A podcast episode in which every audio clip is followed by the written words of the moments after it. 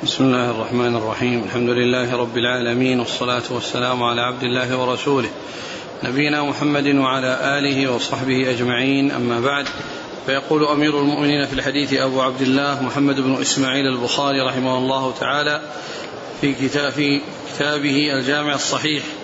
قال كتاب الإيمان والنذور كتاب الأيمان والنذور. باب قول الله تعالى لا يؤاخذكم الله باللغو في أيمانكم. الآية وذكر أحاديث السادس منها. قال حدثني إسحاق يعني بن إبراهيم.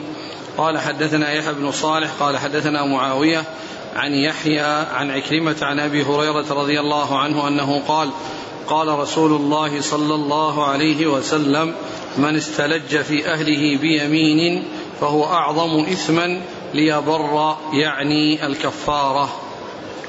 بسم الله الرحمن الرحيم.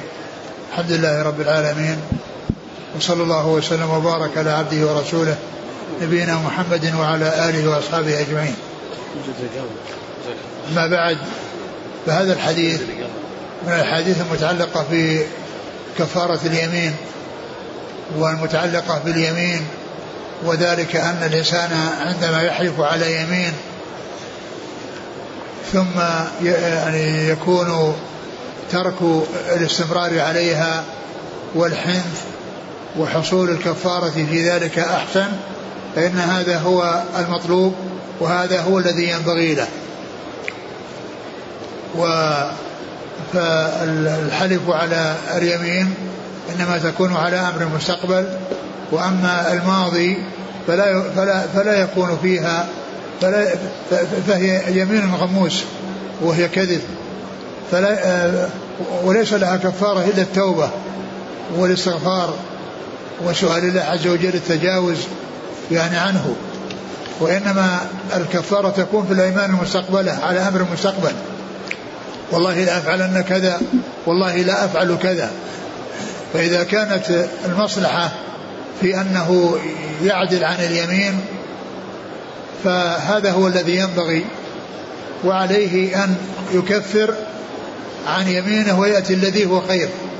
كما جاء في الحديث عن النبي صلى الله عليه وسلم أنه قال إني والله لا أحلف على يمين فأرى غير غيرها غير منها إلا كفرت عن يميني وأتيت الذي هو خير. والكفارة تكون قبل الحنث وبعده. الكفارة وكفارة اليمين ذكرها الله عز وجل في القرآن في سورة المائدة. لا يؤاخذكم الله باللغو في أيمانكم ولكن يؤاخذكم بما عقدتم الأيمان. فكفارته إطعام عشرة مساكين من أوسط ما تطعمون أهليكم وكسوتهم أو تحرير رقبة. فمن لم يجد فصيام ثلاثة أيام ذلك كفارة أيمانكم إذا حلفتم واحفظوا أيمانكم. فهي فيها أمور أمور ثلاثة. اثنان مخير فيهما وأما الثالث فإنه ليس على التخيير وإنما هو على الترتيب. فليس التخيير بين الأمور الثلاثة؟ يختار واحدة منها يختار الصيام؟ لا. لا يختار الصيام إلا إذا عجز عن الإطعام والعتق والكسوة. فعند ذلك ينتقل إلى الصيام. أما إذا كان قادرا فلا يجوز لأن الله تعالى ذكر أنه إذا لم يستطع هذه الأمور فإنه يصوم يصوم ثلاثة أيام. وكفارة الأيمان هي التي جمع فيها بين التخيير والترتيب لأن الكفارات هي إما ترتيب فقط وإما تخيير فقط. وأما كفارة الأيمان فجمع فيها بين التخيير والترتيب. الترتيب فقط كفارة الظهار والجماع في نهار رمضان ترتيب. عتق رقبة فإن يصوم شهرين متتابعين فإن يستطع ستين مسكينا. والتخيير كفارة الأداء يعني الحلق لبس المخيط لبس المخيط في الحج وتغطية الرأس وحلق الرأس فإن هذا الكفارة فيه على التخيير الفدية من صيام أو صدقة أو نسك. أما كفارة الأيمان ففيها التخيير بين الإطعام والكسوة لعشرة مساكين من الفقراء وعتق الرقبة. وإذا لم يستطع هذه الثلاثة لا الكسوة ولا الإطعام ولا الرقبة فإنه يتحول إلى الصيام. هذا الحديث الذي معنا يعني يدل يبين فيه الرسول عليه الصلاة والسلام أن الإنسان إذا حلف على يمين يعني فيها مضرة على غيره وخاصة أهله فإن فإن من المصلحة وإن من الخير له أن يعدل عن هذه اليمين وأن يصرف النظر عنها وأن يتركها وأن يحنث فيها ويأتي الذي هو خير ويأتي بالكفارة. ويأتي بالكفارة التي ذكرها الله في الكتاب العزيز. فقوله الآن يلج لأن كونه يستمر على اليمين الذي فيها إثم أو قطيعة رحم فإن ذلك أعظم إثما وأشد ضررا من كونه يترك يمينه ويكفر.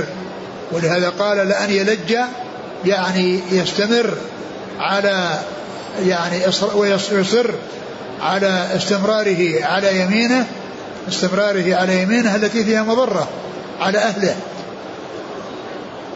وأما إذا كان فإذا كان فإن الخير لمن كان كذلك أن يترك هذه اليمين وأن يكفر.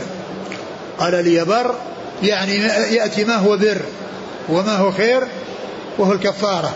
وذلك بأن يترك اليمين التي فيها مضرة على أهله أو على غيره ثم يأتي بالكفارة التي هي كونه ترك الاستمرار على اليمين لأن الاستمرار عليها فيه مضرة وتركها فيه مصلحة وهو من البر الذي ينبغي للإنسان أن, أن, أن, أن يفعله. وذكر الأهل هنا لا مفهوم له بأن الأمر لا يكون إلا في, الأهل بل في الأهل وغير الأهل. ولكنه ذكر الأهل لأن الغالب أن المصاحبة والملازمة معهم ويحصل معهم يعني مثل ذلك ولكن الأمر لا يخص الأهل بل إذا حلف على يمين فيها مضرة على غيره فإن الخير له أن يترك هذه اليمين وأن يأتي بالكفارة فيحنث ويأتي بالكفارة. و ولهذا قال الرسول عليه الصلاة والسلام إني والله لا أحلف على يمين يعني مطلق. ما ذكر على شيء معين. فأرى غيرها خيرا منها إلا كفرت عن يميني وأتيت الذي هو خير. نعم. قال حدثني إسحاق يعني ابن إبراهيم. إسحاق يعني إبراهيم ابن راهويه الحنظلي المروزي. وهنا قال يعني ابن إبراهيم. وهذا الذي وإسحاق بن إبراهيم شيخ البخاري. فإذا البخاري ما يقول حدثني إسحاق يعني ابن إبراهيم وإنما الذي قالها من دونه الذي قالها من دون البخاري هو, هو الذي يأتي بكلمة يعني. أما التلميذ فإنه يذكر شيخه كما يريد إن أتى به باسمه فقط أو يأتي باسمه واسم أبيه أو اسمه واسم جده وقد ينسبه ويطول وقد يختصر فلا يحتاج إلى كلمة يعني. وإنما الذي يحتاج إلى كلمة يعني هو من دون التلميذ. وعلى هذا فإن كلمة يعني يعني تكون في أثناء الأسانيد وتكون في أول الأسانيد. وهنا جاءت في أول الإسناد والمقصود بها أن الذي زاد كلمة إبراهيم هو التلميذ أو من دون التلميذ. وكلمة يعني لها قائل ولها فاعل. كلمة يعني لها قائل ولها فاعل. فقائلها من دون التلميذ. وفاعلها ضمير مستتر يرجع إلى التلميذ. وفاعلها ضمير مستتر يرجع إلى التلميذ. يعني من دون البخاري قال يعني آه، قال البخاري حدثنا إسحاق ثم زاد إبراهيم وقال يعني إبراهيم. يعني أن البخاري يعني إبراهيم. فكلمة يعني لها قائل ولها فاعل فقائلها هو من دون التلميذ وفاعلها ضمير مستتر يرجع إلى التلميذ. نعم. عن يحيى بن صالح. نعم. عن معاوية. بن سلام. عن يحيى. بن أبي كثير الإمامي عن عكرمة. عن أبي هريرة. نعم.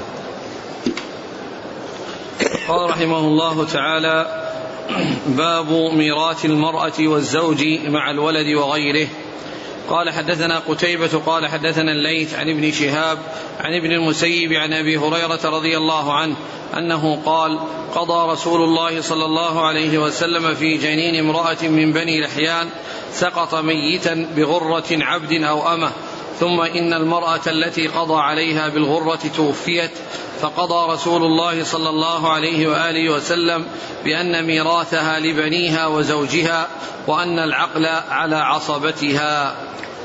ثم ذكر باب ميراث المرأة مع الزوج و باب ميراث المرأة والزوج مع الولد وغيره. باب ميراث المرأة والزوج مع الولد وغيره. ميراث الزوج المرأة ميراث المرأة والزوج مع الولد وغيره. يعني أن أن أن الميراث يعني يكون لمن تركه الميت من من من هم أهل المواريث والزوجة والزوج كل منهما وارث. وبعد ذلك ينظر إلى غيرهم فإن كان هناك أصحاب فروض أعطوا فروضهم وإن لم يكن هناك أصحاب فروض فإنه وله أولاد فإنه يكون لهم. له أولاد فإنه يكون للأولاد. كقوله صلى الله عليه وسلم الحق الفرائض بأهلها فما أبقت الفرائض فلأولى رجل ذكر. وذكر هذا الحديث الذي فيه المرأة أو المرأتان التي اللتان ضربت إحداهما يعني بحجر فسقط جنينها فقضى بذلك رسول الله صلى الله عليه وسلم على أن على في ذلك بغرة عبد أو أمة. ثم قال إن المرأة التي آه، حكم عليها أو التي قتلت الجنين أو آه، حصل سقوط الجنين بسببها توفيت فقضى رسول الله صلى الله عليه وسلم بأن بأن ميراثها لزوجها ولأبنائها ولأولادها. وأن العصب وأن العقل على عصبتها يعني عقل الغرة يعني يكون على عصبتها. والمقصود بالعصبة هم العصبة في النفس ويدخل فيهم الأولاد. لكن الأولاد هنا يعني عصبة يعني وارثون. يعني عصبة وارثون. فيعني فالعقل يكون على العصبة ومنهم الأولاد. يعني مثل الأخوة والأعمام وكذا. هؤلاء عصبة. وهم العصبة بالنفس وأما العصبة بالغير والعصبة مع الغير فهؤلاء لا يعقلون لأن الذي يعقل هو الذي يكون من العصبة بالنفس. والعصبة بالنفس هم يعني الأبناء والإخوة والأخوات والأعمام والإخوة والأعمام وأبناء الأعمام وأبناء الإخوة وهكذا. هذا كلهم عصبة لأنهم يرثون. فالعقل يكون على العصبة والميراث يكون للورثة وقد يكون في الورثة عصبة وقد لا يكون فيهم عصبة. قد يكون في الورثة عصبة وقد لا يكون فيهم عصبة. نعم. قال حدثنا قتيبة عن الليث.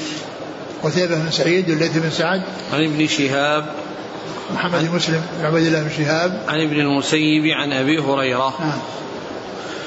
قال رحمه الله تعالى باب توبة السارق. قال حدثنا إسماعيل بن عبد الله قال حدثني ابن وهب عن يونس عن ابن شهاب عن عروة عن عائشة أن النبي صلى الله عليه وسلم قطع يد امرأة قالت عائشة وكانت تأتي بعد ذلك فأرفع حاجتها إلى النبي صلى الله عليه وسلم فتابت وحسنت توبتها.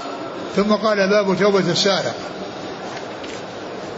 السارق إذا إذا إذا سرق وثبتت السرقة عليه فحكمه أن تقطع يده أن تقطع يده. وأما وإذا قطعت يده لا لا يؤاخذ على على هذه على هذه السرقة لأن الحدود كفارات.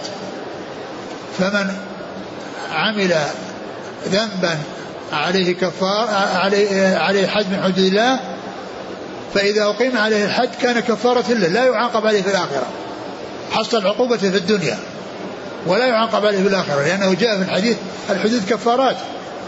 الحدود كفارات يعني معناه أن الذنب يعني ذهب عنه يعني آه، عقوبته في الآخرة بهذا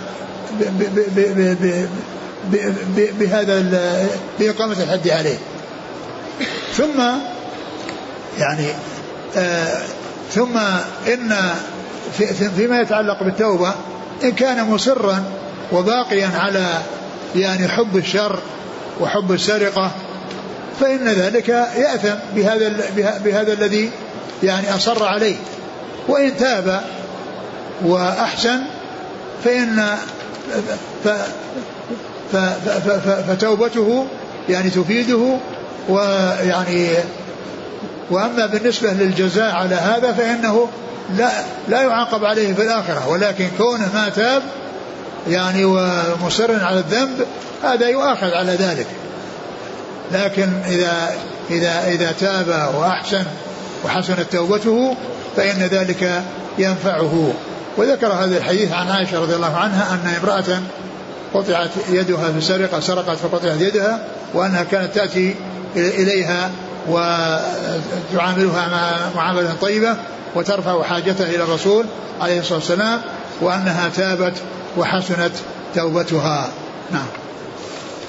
قال حدثنا إسماعيل بن عبد الله الويسي عن ابن وهب عبد الله بن وهب. عن يونس عن ابن شهاب يونس بن يزيد الأيلي. عن عروة عن عائشة. نعم. قال رحمه الله تعالى باب من اطلع في بيت قوم ففقأوا عينه فلا دية له.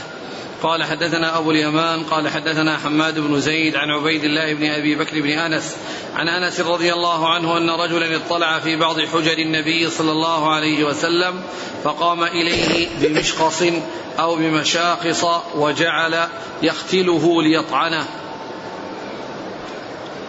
ثم قال باب من اطلع في بيت قوم ففقأوا عينه فلا دية له. باب من اطلع في بيت قوم ففقأوا عينه فلا دية له.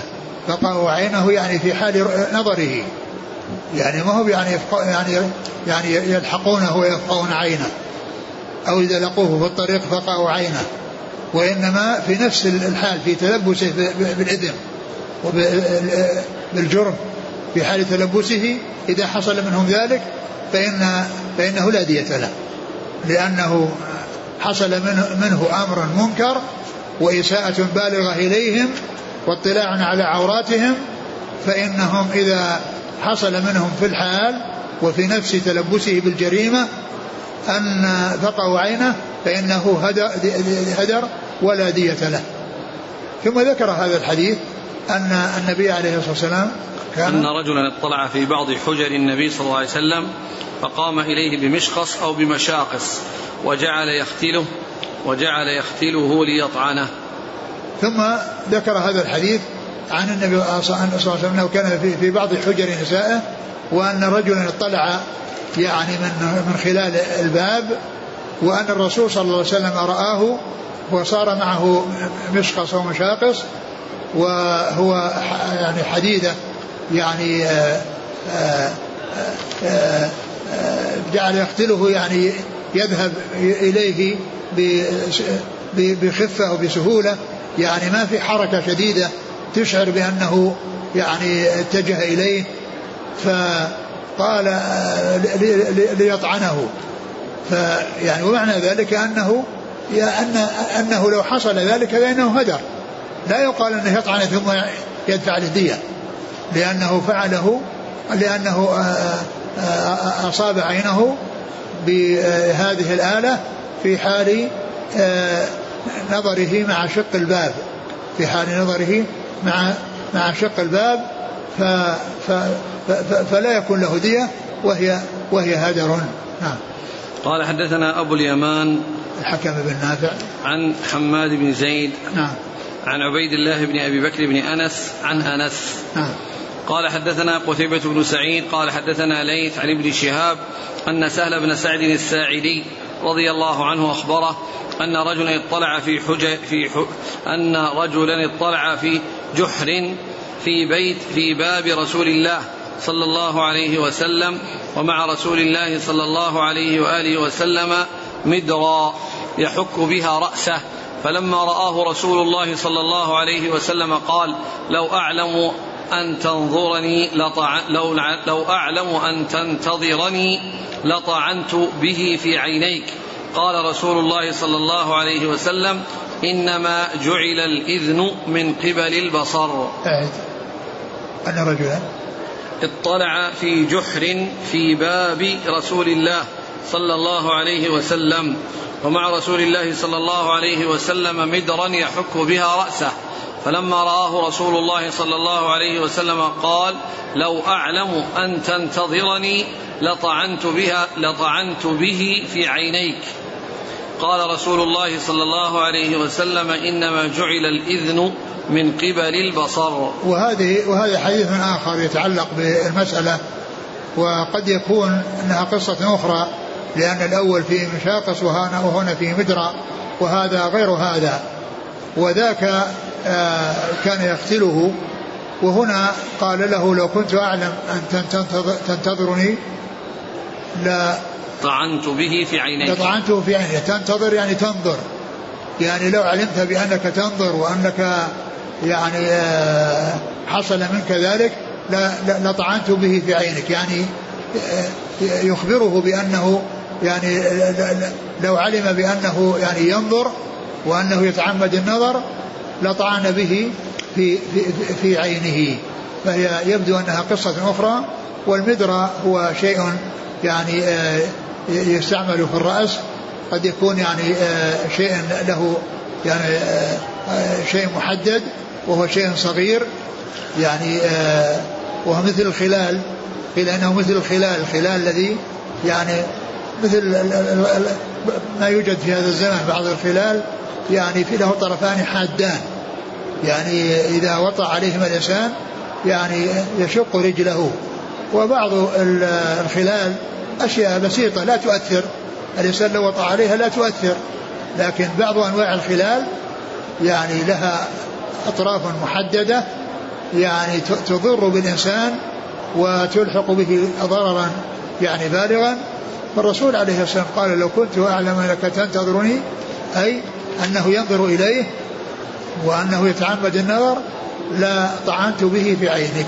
نعم إنما جعل الإذن من قبل البصر. إنما جعل الإذن الاستئذان لئلا يعني يقع بصره على شيء.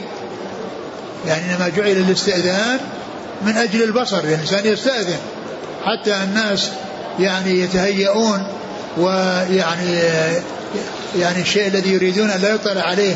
يعني يزيلونه أو إذا كان المرأة يعني غير متسترة تتستر أو الرجل كذلك غير متستر يتستر يعني إنما جعل الاستئذان من أجل البصر لأنه لو حصل أن الدخول يعني بدون استئذان فإنه يقع على العورات والاستئذان شرع من أجل عدم وقوع البصر على ما يكره وقوعه عليه من أهل الدار. نعم.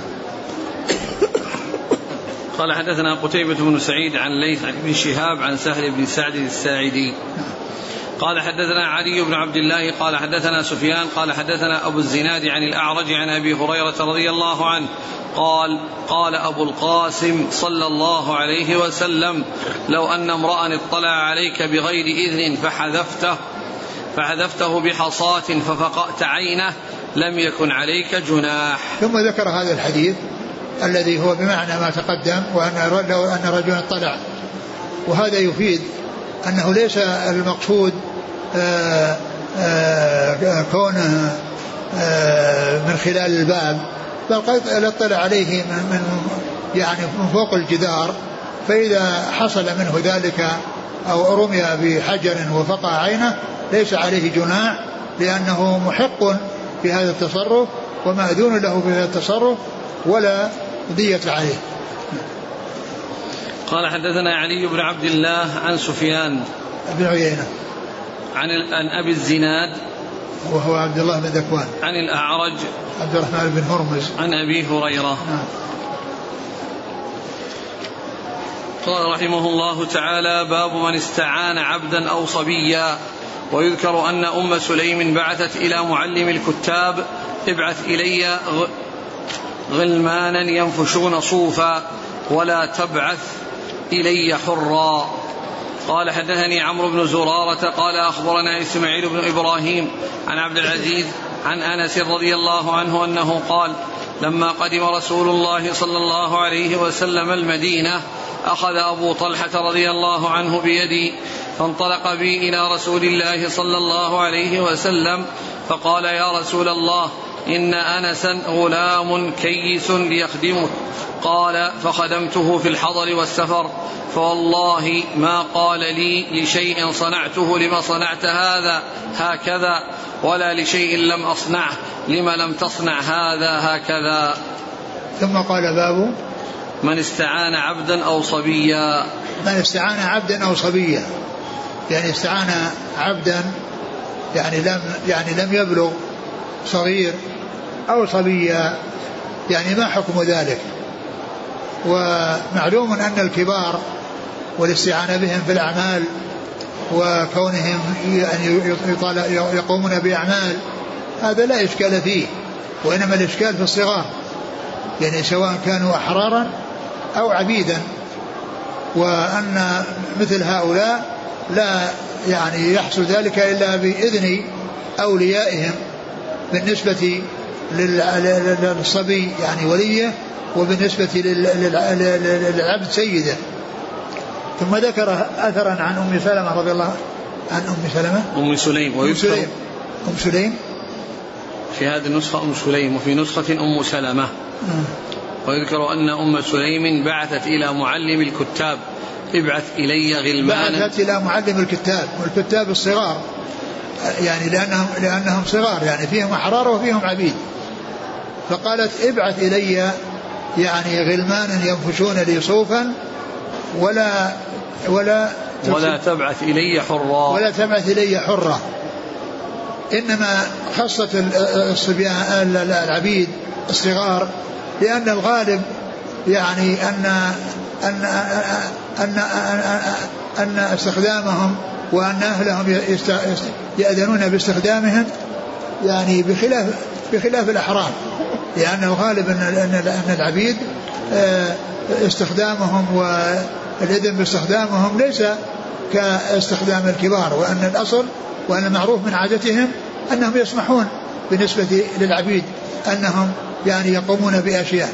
ولهذا أم سليم أو أم سلمة طلبت من معلم الكتاب اللي هم الأطفال الصغار الذين يعلمهم الكتابة وهم صغار أن تبعث إليه ناس منهم ينفشون صوفا لها ينفشون صوفا لها ولم تطلب حرا لأن الحر الغالب أنه لا يكون لا بإذن أهله وأما بالنسبة للعبيد فإن أن العادة جرت بأن استخدامهم أو الاستفادة منهم يعني بدون إذن أهلهم أنه يختلف عما يتعلق بالأحرام. عما يتعلق بالأحرام. فأورد هذا الأثر المتعلق بالعبيد. وأنهم يعني وهم, وهم صغار. وأنهم يمكن أن يستخدموا بدون إذن يعني أسيادهم وأما بالنسبة وذكر الحديث الثاني بالنسبة لأنس وهو أن أن أن أن أن أبا أبو طلحة ها؟ أخذ أبو طلحة بيدي نعم أخذ أبو طلحة بيد أنس وهو ابن زوجته أم سليم وقال للرسول صلى الله عليه وسلم هذا أنس أنه يعني يخدمك وأراد أن يعني يخدمه يستخدمه الرسول عليه الصلاة والسلام فخدمه عشر سنين منذ قدم المدينة إلى أن توفاه الله. وكان يقول أن يعني يحكي عن أخلاق رسول الله صلى الله عليه وسلم ويعني سماحته ويعني معاملته الطيبة وهو أكمل الناس خلقا عليه الصلاة والسلام. قال ما قال لي في شيء فعلته لماذا؟ لماذا كذا؟ ولم يقل لشيء لم أفعله لماذا لم تفعل كذا؟ وإنما كان يعني يصفح ويتجاوز ويسامح ولا يعني يشق على من يستخدمه وهذا من كمال أو هذا من كمال خلقه عليه الصلاة والسلام. أعد الحديث. عن أنس قال لما قدم رسول الله صلى الله عليه وسلم المدينة أخذ أبو طلحة بيدي فانطلق بي إلى رسول الله صلى الله عليه وسلم فقال يا رسول الله إن انسا غلام كيس فليخدمك فليخدمك. وكان, وكان ذهابه أيضا باذن أمه يعني باذن أم سليم ليس من أبو طلحة وإنما هو باتفاق بينها وبين زوجها أبي طلحة. نعم. إن هذا إن, إن أنسا غلام كيس. نعم. فليخدمك. قال فخدمته في الحضر والسفر. فوالله ما قال لي لشيء صنعته لما صنعت هذا هكذا ولا لشيء لم أصنعه لما لم تصنع هذا هكذا. نعم. قال حدثني عم والأول نعم. الأول قال يعني ذكر في صيغة التمريض قال ويذكر. ويذكر أن أم سليم. أن أم سليم وذكر الحافظ بن حجر أن فيه انقطاع أو احتمال الانقطاع في آخره. شو إيش قال؟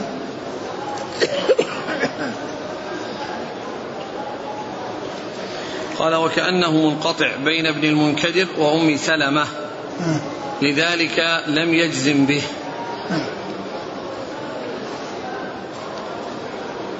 حدثنا؟ حدثني عمرو بن زرارة عن إسماعيل بن إبراهيم. إسماعيل بن إبراهيم بن عليا. عن عبد العزيز. عبد العزيز بن صهيب. عن أنس. آه. قال رحمه الله تعالى باب المعدن جبار والبئر جبار. قال حدثنا عبد الله بن يوسف قال حدثنا الليث. قال حدثنا ابن شهاب عن سعيد بن المسيب وأبي سلمة بن عبد الرحمن عن أبي هريرة رضي الله عنه أن رسول الله صلى الله عليه وآله وسلم قال العجماء جرحها جبار والبئر جبار والمعدن جبار وفي الركاز الخمس. قال باب؟ المعدن جبار والبئر جبار. باب المعدن جبار والبئر جبار. المعدن يعني الذي في بطن الأرض وتستخرج المعادن من جوفها ويستأجر عمال يستخرجون ذلك فإنه لو هلك أحدهم وهو يعمل في المنجم اللي في باطن الأرض بأن حصل له أي شيء فإنه جبار هدر لا يضمنه من استأجره. لا يضمنه المستأجر وإنما دمه هدر لأنه عمل يعني عملا وحصل له شيء بقضاء الله وقدره فلا يضمنه. يعني هذا الذي استأجر وإنما يضمنه لو فعل شيء يضره. نفس المستأجر لو عمل معه شيء يضره. بأن باشر وأما كونه يستأجره لينزل في منجم ويشتغل فيه ثم بعد ذلك حصل له انهدام أو حصل له شيء ومات بسبب ذلك فإنه جوار يعني هدر. يعني لا دية له. لا يلزم الذي استخدمه في استخراج المعادن يعني دية وإنما لا دية له. والبئر؟ والبئر جبار. والبئر جبار. إذا استأجر عمالا يحفرون له بئرا ثم سقطت عليهم البئر أو انهدم عليهم شيء من البئر فماتوا. فإن يعني فإنه جبار يعني هدر. لا يضمنهم الذي استأجر استأجرهم. وهذا مثله لو استعمل يعني هذا بالنسبة للنزول ومثله في الصعود لو أن إنسانا استأجر عمال يبنون له عمارة ثم سقط واحد أو بعضهم من العمارة ومات فإن الذي استأجره لا يضمنه وكذلك لو استأجره لصرم نخلة ثم سقط منها ومات فإنه لا لا يضمنه لأن هذا مثل هذا جبار يعني هدر. لأن فعل هذا فعل يعني لا بد منه والإنسان ما تسبب ما حصل مباشرة منه لموته وإنما استأجره ليسلم نخلة فصعدها ثم آه، يعني سقط في الأرض فمات. أو عمال يستعملون يعملون يبنون عمارة فسقط من أعلاها ومات. فإن يعني ذلك هدر يعني سواء كان في النزول مثل البئر أو في الصعود مثل البنيان والنخل. قال صلى الله عليه وسلم العجماء جرحها جبار. ثم قال العجماء هذا نفس الباب. نعم. العجماء العجماء هي البهيمة. العجماء هي البهيمة. يعني من الدابة يعني كالإبل أو يعني خيل أو غيرها يعني جرحها جبار. يعني إذا حصل أن يعني جرحت أحدا بأن رفسته فيعني فإنه لا ضمان على على صاحبها إلا إذا حصل منه شيء يعني تسبب في كونها تفعل به هذا الفعل. وهذا سيأتي في آثار سيأتي في آثار عن عن السلف تدل على أنه إذا تسبب فإنه مؤاخذ على تسببه وأما إذا لم يتسبب فإنه يعني آآ آآ ما حصل منها فإنه يعني فإنه هدر وجبار. وهذا هو معنى قوله جرحها جبار. وليس المقصود الجرح فقط بل أي شيء يحصل حتى لو مات. ما هو بس مجرد الجرح وإنما أهلكته ومات في الحال بسببها. فإنه لا فرق بين الجرح وبين الهلاك التام الذي يموت به الإنسان ومعنى ذلك أن هذا الذي يحصل منها من غير يعني من غير تعد عليها ومن غير تسبب في فعلها فإنه جبار وهدر سواء كان جرحا أو هلاكا.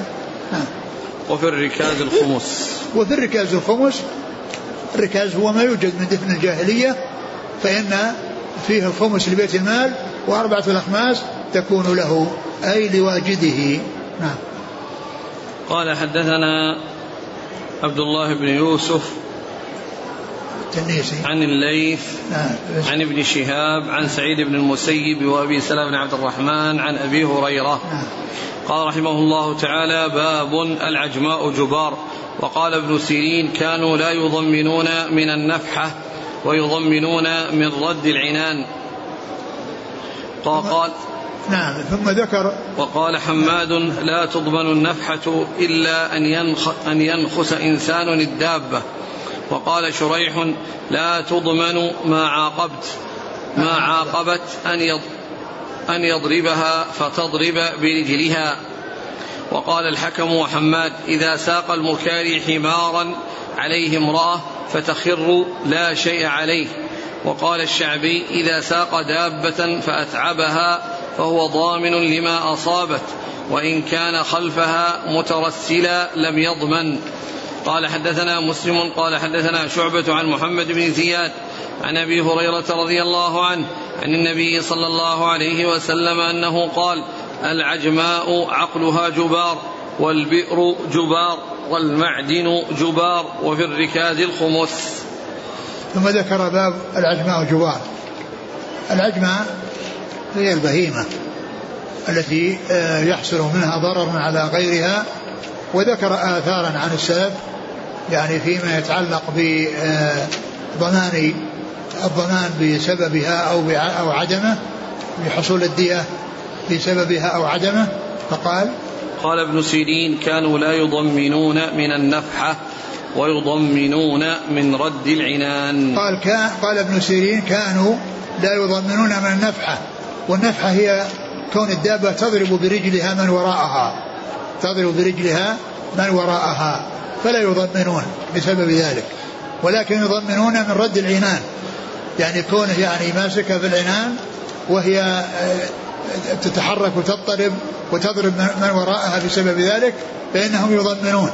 لأنه تسبب في كونها فعلت هذا الفعل وذلك بكونه يعني يجر عنانها. وأما إذا كان يعني مجرد نفع بدون أن يكون متسببا فإنه فإنه لا ضمان. نعم. قال وقال حماد لا تضمن النفحة إلا أن ينخس إنسان الدابة وقال حماد ابن أبي سليمان لا تضمن. نعم النفحة إلا أن ينخس إنسان الدابة وهذا فيه يعني بيان أن أن الدابة يحصل منها نفع بسبب وبدون سبب. فإن كان بدون سبب فلا فإنه لا ضمان. وإن كان بسبب وإن كان بسبب فإن فإنه هدر. إذا كان إذا كان بسبب فإن فيه الضمان. وإذا كان بدون سبب إذا كان إذا كان بسبب فإنه هدر. وإذا كان بغير ذلك آه، فإنه أيضا لا ضمان. قال إنما إيش؟ إذا في سبب نخسها إلا أن يضمن إنسان الدابة إن ينخس إنسان الدابة إيش العبارة؟ لا تضمن النفحة. أيوة. إلا أن ينخس إنسان الدابة يعني أنه إذا كان بدون فعل منه للدابة فإنها لا ضمان. وأما إذا كان بسببه بأن نخسها ضربها بعصا أو نغزها فضربت برجلها فأصابته فإنه فإنه يعني بذلك لا ضمان لأنه متسبب. وقال شريح لا تضمن ما عاقبت أن يضربها فتضرب برجلها. وهذا مثل الذي قبله تقريبا لأنه قال لا يضمن ما عاقبت. يعني بأن أساء إليها فأساءت إليه. يعني نخسها فضربته. يعني فالذي يعني آه، كان بسبب بسبب آه، الذي أصابته فإنه لا ضمان لأنه متسبب لا تؤمن ما عاقبت. يعني أنه آه، أساء إليها فضرب أساءت إليه. أصابها فأصابته. وكان السبب في كونها تضربه فإنه عند ذلك هو المتسبب ولا ضمان عليه. نعم. ولا ضمان له. نعم. قال بعد ذلك وقال الحكم وحماد إذا ساق المكاري حمارا عليه امرأة فتخر لا شيء عليه فتخر لا شيء عليه. بعد. وقال الشعبي نعم إذا وقال, وقال الحكم إذا ساق المكاري يعني دابة أو حمارا وعليه امرأة فخرت وسقطت فإنه لا شيء عليه لأن سقوطها ليس بسببه. سقوطها ليس بسبب بسببه. نعم. وقال الشعبي إذا ساق دابة فأتعبها فهو ضامن لما أصابت وإن كان خلفها مترسلا لم يضمن. وقال الشعبي قال الشعبي نعم. إذا ساق دابة. إذا ساق دابة فأتعبها. يعني معناه وراها يعني يضربها وهي تجري فأساءت إلى أحد.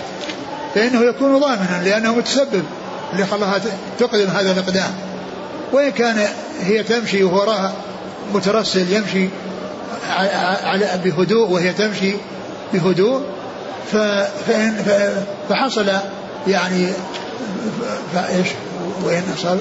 إذا أساق دابة فأتعبها فهو ضامن لما أصابه. نعم وين كان كان خلفها مترسلا لم يضمن. وإن كان خلفها مترسلا لم يضمن. لأنه ما فعل شيء. ما فعل أمرا معها يجعلها تحدث ضررا بغيرها. وإنما يمشي وراءها يعني آه، آآ لا يسوقها ولا يتعبها وإنما يمشي مترسلا بهدوء فحصل منها شيء بأن نفحت أحدا أو يعني حصل ضرر بأحد فإنه لا ضمان عليه لأنه لم يكن متسببا. بخلاف الذي كان يسوقها ويتعبها وهي تمشي بقوة وتلحق ضررا بغيرها فهذا متسبب. قال حدثنا بعد ذلك حديث أبي هريرة قال العجماء عقلها جبار. العجماء عقلها يعني ديتها. يعني العقل هو الدية جبار. يعني ليس دية. يعني إذا إذا حصل بدون تسبب نعم.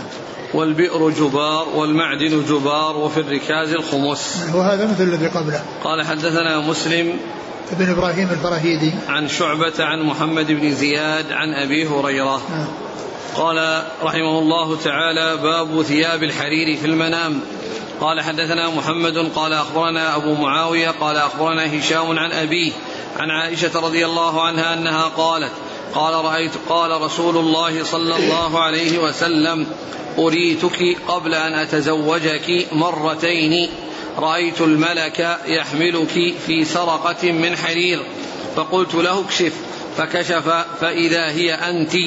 فقلت إن يكن هذا من عند الله يمضه ثم أريتك يحملك في سرقة من حرير. فقلت اكشف. فكشف فإذا هي أنت. فقلت ان يك هذا من عند الله يمضه ثم قال يعني في في كتاب التعبير باب باب الحرير في المنام. يعني باب الحرير في المنام. وذكر هذا الحديث عن عائشة رضي الله عنها أن النبي صلى الله عليه وسلم قال أنه أريها قبل أن يتزوجها مرتين. يعني رأى صورتها في آه، سرقة من حرير يعني يعني نوع من الحرير إما يعني سرقة بمعنى أنه آه، يعني أبيض يعني شديد البياض أو أنه نوع جيد أو أنه يعني نوع جيد من أنواع الحرير يقال له سرقة. فرأى الملك يعني يحملها يعني وهي صورتها وهي في في هذا فقال فقال فقلت يك هذا من عند فقلت له اكشف فكشف. اكشف يعني كشف يعني عن الذي في داخل الحرير وإذا هي يعني هي يعني صورتها التي رآها عليه الصلاة والسلام يعني في في في, في المنام يعني في نفس الحرير يعني مطابقة لهيئتها وصورتها التي هي عليها في, في, في, في, في اليقظة.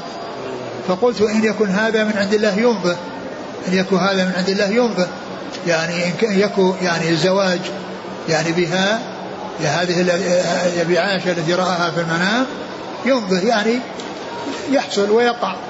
لأن ما قدره الله عز وجل لابد أن يوجد. ما قدره الله لابد أن يوجد. ما شاء الله كان وما لم يشاء لم يكن. ثم ذكر الحديث الثاني. الحديث الثاني. في نفس الباب؟ إيه. واحد باب واحد. ها؟ حديث واحد. إيه. نعم أعد. في لا جاء مرتين. يعني يعني ليس الحديث ذكر فيه مرتين. المرة الأولى قال اكشف فرآها ثم أتى بها مرة ثانية فقلت اكشف فرآها وإيراد الحديث في كتاب التعبير وقوله باب الحرير يعني في المنام. وذكر فيه هذه الرؤيا المنامية التي رآها رسول الله صلى الله عليه وسلم. وقيل إن أن الحرير يعني في المنام أنه يعبر بالنكاح ويعبر بالغناء يعبر بالنكاح لأن لأن الذي حصل في هذا الحديث أن أنه نكاح أنه يتزوجها هذا الذي في الحرير وأنه يشعر بالنكاح ويدل على النكاح. وقيل في الغناء المقصود به الغناء ويعبر بالغناء لأن هذا من من من من من أنفس الألبسة. وأن هذا لا يحصل أو يحصله إلا ما كان غنيا. نعم. قال حدثنا محمد ابن أبو كريب محمد بن علاء. عن أبي معاوية. محمد بن خازم الضرير الكوفي. عن هشام عن أبيه عن عائشة. نعم. قال رحمه الله تعالى باب الوضوء في المنام.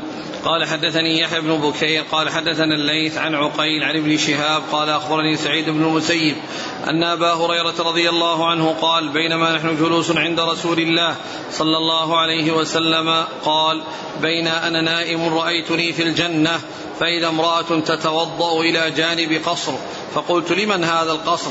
فقالوا لعمر فذكرت غيرته. فوليت مدبرا فبكى عمر رضي الله عنه وقال عليك بأبي أنت وأمي يا رسول الله أغار. ثم ذكر باب الوضوء في المنام. باب الوضوء في المنام. وذكر هذا الحديث الذي فيه أنه كان نائما فرأى أنه دخل الجنة فرأى امرأة تتوضأ عند قصر. فقلت لمن هذا القصر؟ قالوا لعمر. فأردت أن أدخله فذكرت غيرتك يعني فتركت. فقال عمر رضي الله عنه آه وبكى عليك أغار يا رسول الله يعني أنه كيف أغار عليك وأنت كل خير حصل لي إنما هو بسببك. كل خير حصل لي بسببك. كيف يحصل مني غيره؟ وهذا فيه فضيلة عمر وأنه من أهل الجنة وأن له قصرا موجودا في الجنة. رآه النبي عليه الصلاة والسلام وهو يدل على أن الجنة موجودة وأنها مخلوقة وكذلك النار وأن الله تعالى ينشئ فيهما ما ما يشاء مثل ما جاء في الحديث من بنى لله قصرا مسجدا يذكر الله فيه بنى الله له بيتا في الجنة يعني أنه يحصل إيجاد يعني في الجنة بعد إنشائها وبعد خلقها من أول الأمر يعني لا يزال يحدث فيها وينشأ فيها يعني ما شاء الله عز وجل أن يحصل فيها فإذا هذا القصر كان موجودا والجنة موجودة وهذا القصر موجود فيها والنبي صلى الله عليه وسلم رآه. ويعني يدل على فضيلة عمر ومنقبته وهذا الكلام الجميل الذي قاله عمر وذلك أن كل خير حصل لعمر ولغير عمر إنما هو بسبب الرسول صلى الله عليه وسلم. وقد قال عليه الصلاة والسلام من دل على هدى فله مثل أجر فاعله فكل يعني عمل صالح يعمله الإنسان فإن للرسول صلى الله عليه وسلم مثل أجر عامله لأنه هو الذي دل على هذا الخير. صلوات الله وسلامه وبركاته عليه. ولهذا فإن من أراد أن يصل إلى الرسول عليه الصلاة والسلام بسببه يعني آه، زيادة رفعة ودرجة فليعمل لنفسه عملا صالحا ثم الله يثيبه على عمله ويثيب نبيه صلى الله عليه وسلم مثل ما أثابه. ويثيب نبيه صلى الله عليه وسلم مثل ما أثابه. بعض الناس تجده يعني يسأل ويفكر يقول أنه يريد أن يحج للرسول يريد أن يحج للرسول صلى الله عليه وسلم أو يفعل كذا للرسول صلى الله عليه وسلم. لا يفعل. افعل لنفسك والله تعالى يعطي نبيه مثل ما أعطاه.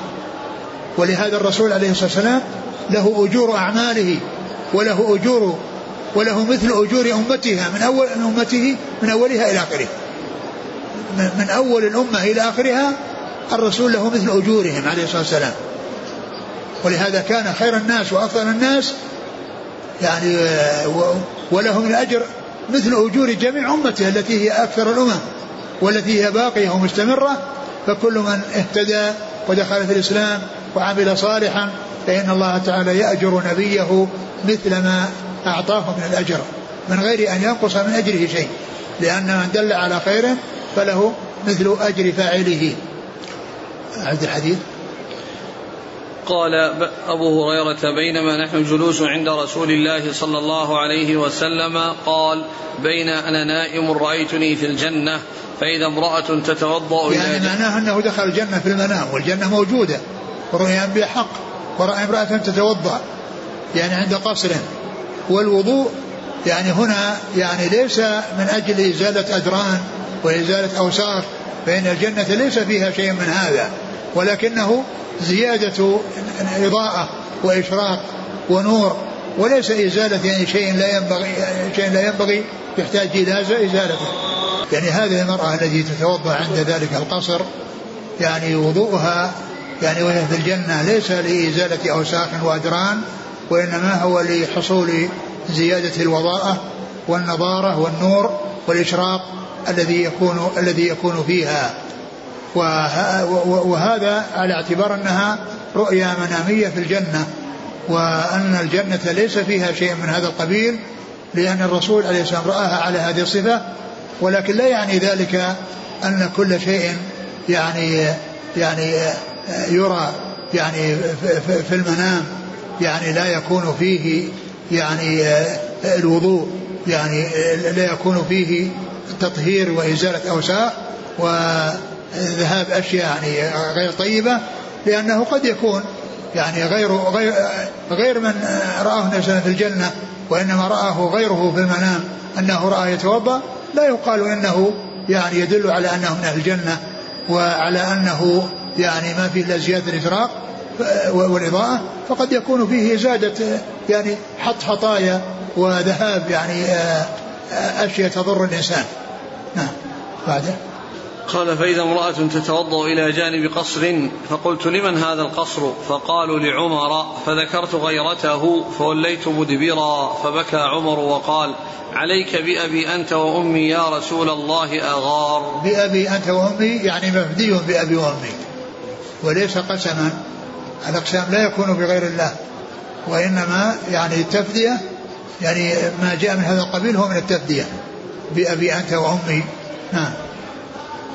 نعم. قال حدثني يحيى بن بكير نعم. عن الليث عن عقيل عن ابن شهاب عقيل بن خالد بن عقيل. عن ابن شهاب عن سعيد بن المسيب عن أبي هريرة. نعم. والله تعالى أعلم وصلى الله وسلم وبارك على عبده ورسوله نبينا محمد. وعلى آله وأصحابه أجمعين جزاكم الله خيرا وبارك الله فيكم والهمكم الله الصواب ووفقكم للحق شافاكم الله وعافاكم ونفعنا الله بما سمعنا وغفر الله لنا ولكم وللمسلمين أجمعين آمين آمين. يقول شيخنا بارك الله فيك هل هذه المرأة التي في الجنة هي من البشر أم من الحور العين؟ آه الله تعالى أعلم. هو آه ذكر آه يعني في في مواضع في موضع مضى يعني الحافظ بن حجر أشار إلى موضع قالوا أنها أم سليم. ولكن الموضع الذي ذكره فيه يعني أنه رآها في الجنة وراى يعني آه، بلال أيضا ورأى جارية تتوضأ ورأى جارية تتوضأ.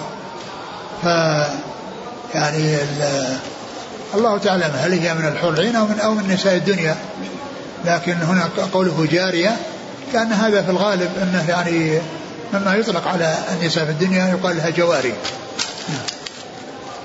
هل تعبير الرؤى علم قائم بذاته يتعلمه الإنسان بالاكتساب أم هو هبة من الله؟ هو لا شك أنه هبة من الله. ويعني كونه يتعلم يعني ليس ليس كل شيء يعني يكون في المنام يعني يعرفه الناس. لأن ما كان ما كان في المنام منه ما كان حقيقة مطابق للرؤيا ومنه ما هو مثال وليس مطابق للرؤيا. وصاحب يوسف عليه الصلاة والسلام رؤياهما إحداهما حقيقة مطابقة للرؤيا والثاني ضرب مثال. فأحدهما يعصر خمرا في المنام وتعبيرها أنه يعصر خمرا في اليقظة لسيده. يعصر خمرا فهذه رؤيا مطابقة في اليقظة مطابقة للمنام. والثاني الذي يحمل فوق رأسه خبزا هذا مثال. ليس أنه يعني آه، أن الطير تأتي وتنزل على رأسه وتأكل من رأسه أو من الخبز الذي على رأسه لأن الطير المعلوم أنها ما تقرب الإنسان تفر من الإنسان. وتخاف من الإنسان فكيف تأتي الطير وتنزل على الخبز اللي في رأسه وتأكله؟ هي تهاب الإنسان ولا تقرب الإنسان وتخشى الإنسان أنه يصيدها أو أنه يعاقبها. ولكن المقصود هنا ضرب مثال. يعني جاء تأويله وتفسيره في القرآن وأما الآخر فيصلب فتأكل الطير من رأسه. يعني معناه أنه يقطع رأسه ثم يصلب في خشبة وتأتي الطير وتنزل عليه وتأخذ من هذا الدم الذي يعني في رأسه وفي عنقه مكان القطع فصار هذا يعني ضرب مثال. يعني ليس كل رؤية تكون مطابقة للواقع بل منها ما يطابق الواقع ومنها ما يكون يعني مثالا. فليس هناك يعني علم يتعلم يقال مثل ما ينسب إلى محمد بن سيرين في مؤلف يقول هذا تعبير الرؤيا لابن سيرين. هذا غير صحيح. وتعبير الرؤيا يعني لا شك أنه هبة من الله عز وجل وأن الله تعالى يعني يعطي يعني بعض الناس الفهم ولا يحصل لغيرهم مثل ما حصل لهم. يقول إذا نظر الطالب بالنافذة إلى غرفة زميله الآخر ليعرف هل هو نائم أم يذاكر دروسه مثلا. هل يدخل هذا في قوله صلى الله عليه وسلم إنما جعل الاستئذان من أجل البصر؟ ولماذا ينظر إليه هل هو نائم؟ يعني إذا كان أنه يعني بيوقظه يطق الباب ولا يروح ينظر. وكونه يعني نائم أو يذاكر دروسه يعني لا شأن له. يشتغل بنفسه ولا يشغل نفسه بغيره. وإذا احتاج إليه يطرق عليه الباب. ما ينظر إليه. وقد يكون نائما ومتكشفا. نعم. يقول من خلى إبله في الطرقات فتسببت بحادث ومات ذاك الشخص هل صاحب الإبل يضمن؟ أعد. من خلى إبله في الطرقات فتسببت بحادث ومات ذاك الشخص هل صاحب الإبل يضمن؟ لا يقال يعني أنه يضمن لأن الذي يسوق السيارة يعني إذا الإبل يبتعد عنها أو يوقف السيارة أو يهدي السرعة أما كونه يعني منطلقة ثم كل شيء أمامها تقضي عليه الذي طبعا هذا يرجع به إلى القضاة وهم الذين يحكمون بما يحكمون ولكن الذي يبدو أن هذا يرجع إلى الإنسان وتصرف الإنسان لأنه يمكن أنه يعني يهدي سرعة السيارة أو يوقف السيارة حتى تذهب الإبل أما كونه مسرع ثم يهلك نفسه ويهلك غيره فهذا غير صحيح. ألا يفرق بين الليل والنهار؟ لا هذا فرق شو اسمه هذا الليل والنهار ذاك بالنسبة لكونها تدخل بساتين تدخل بساتين وتؤذي أو تفسد على الناس. وإلا ما في فرق بين الليل والنهار بالنسبة للسيارة الإبل اللي في الطرق. هناك من يضع أذنه في ثقب الباب ليسترق السمع فهل هذا يعمل به ما يعمل بمن يضع عينه؟ والله هذا لا شك أنه يعني سيء لكنه ليس مثل ذاك. أيضا حافظ بن حجر تعرض لهذا في آخر الكلام على الحديث. قال ليس مثله السمع. هل يفرق بين من يعلم الحكم ومن لا يعلم؟ شوف الكلام عليه. كلام الحافظ. وهل وهل يلحق بالاستماع وهل يلحق الاستماع بالنظر؟ وجهان الأصح لا لأن النظر إلى العورة أشد من استماع من استماع ذكرها استماعي؟ لأن النظر إلى العورة أشد من استماع ذكرها استماع إيش؟ استماع ذكرها نعم وشرط القياس المساواة أو أولوية المقيس وهنا بالعكس.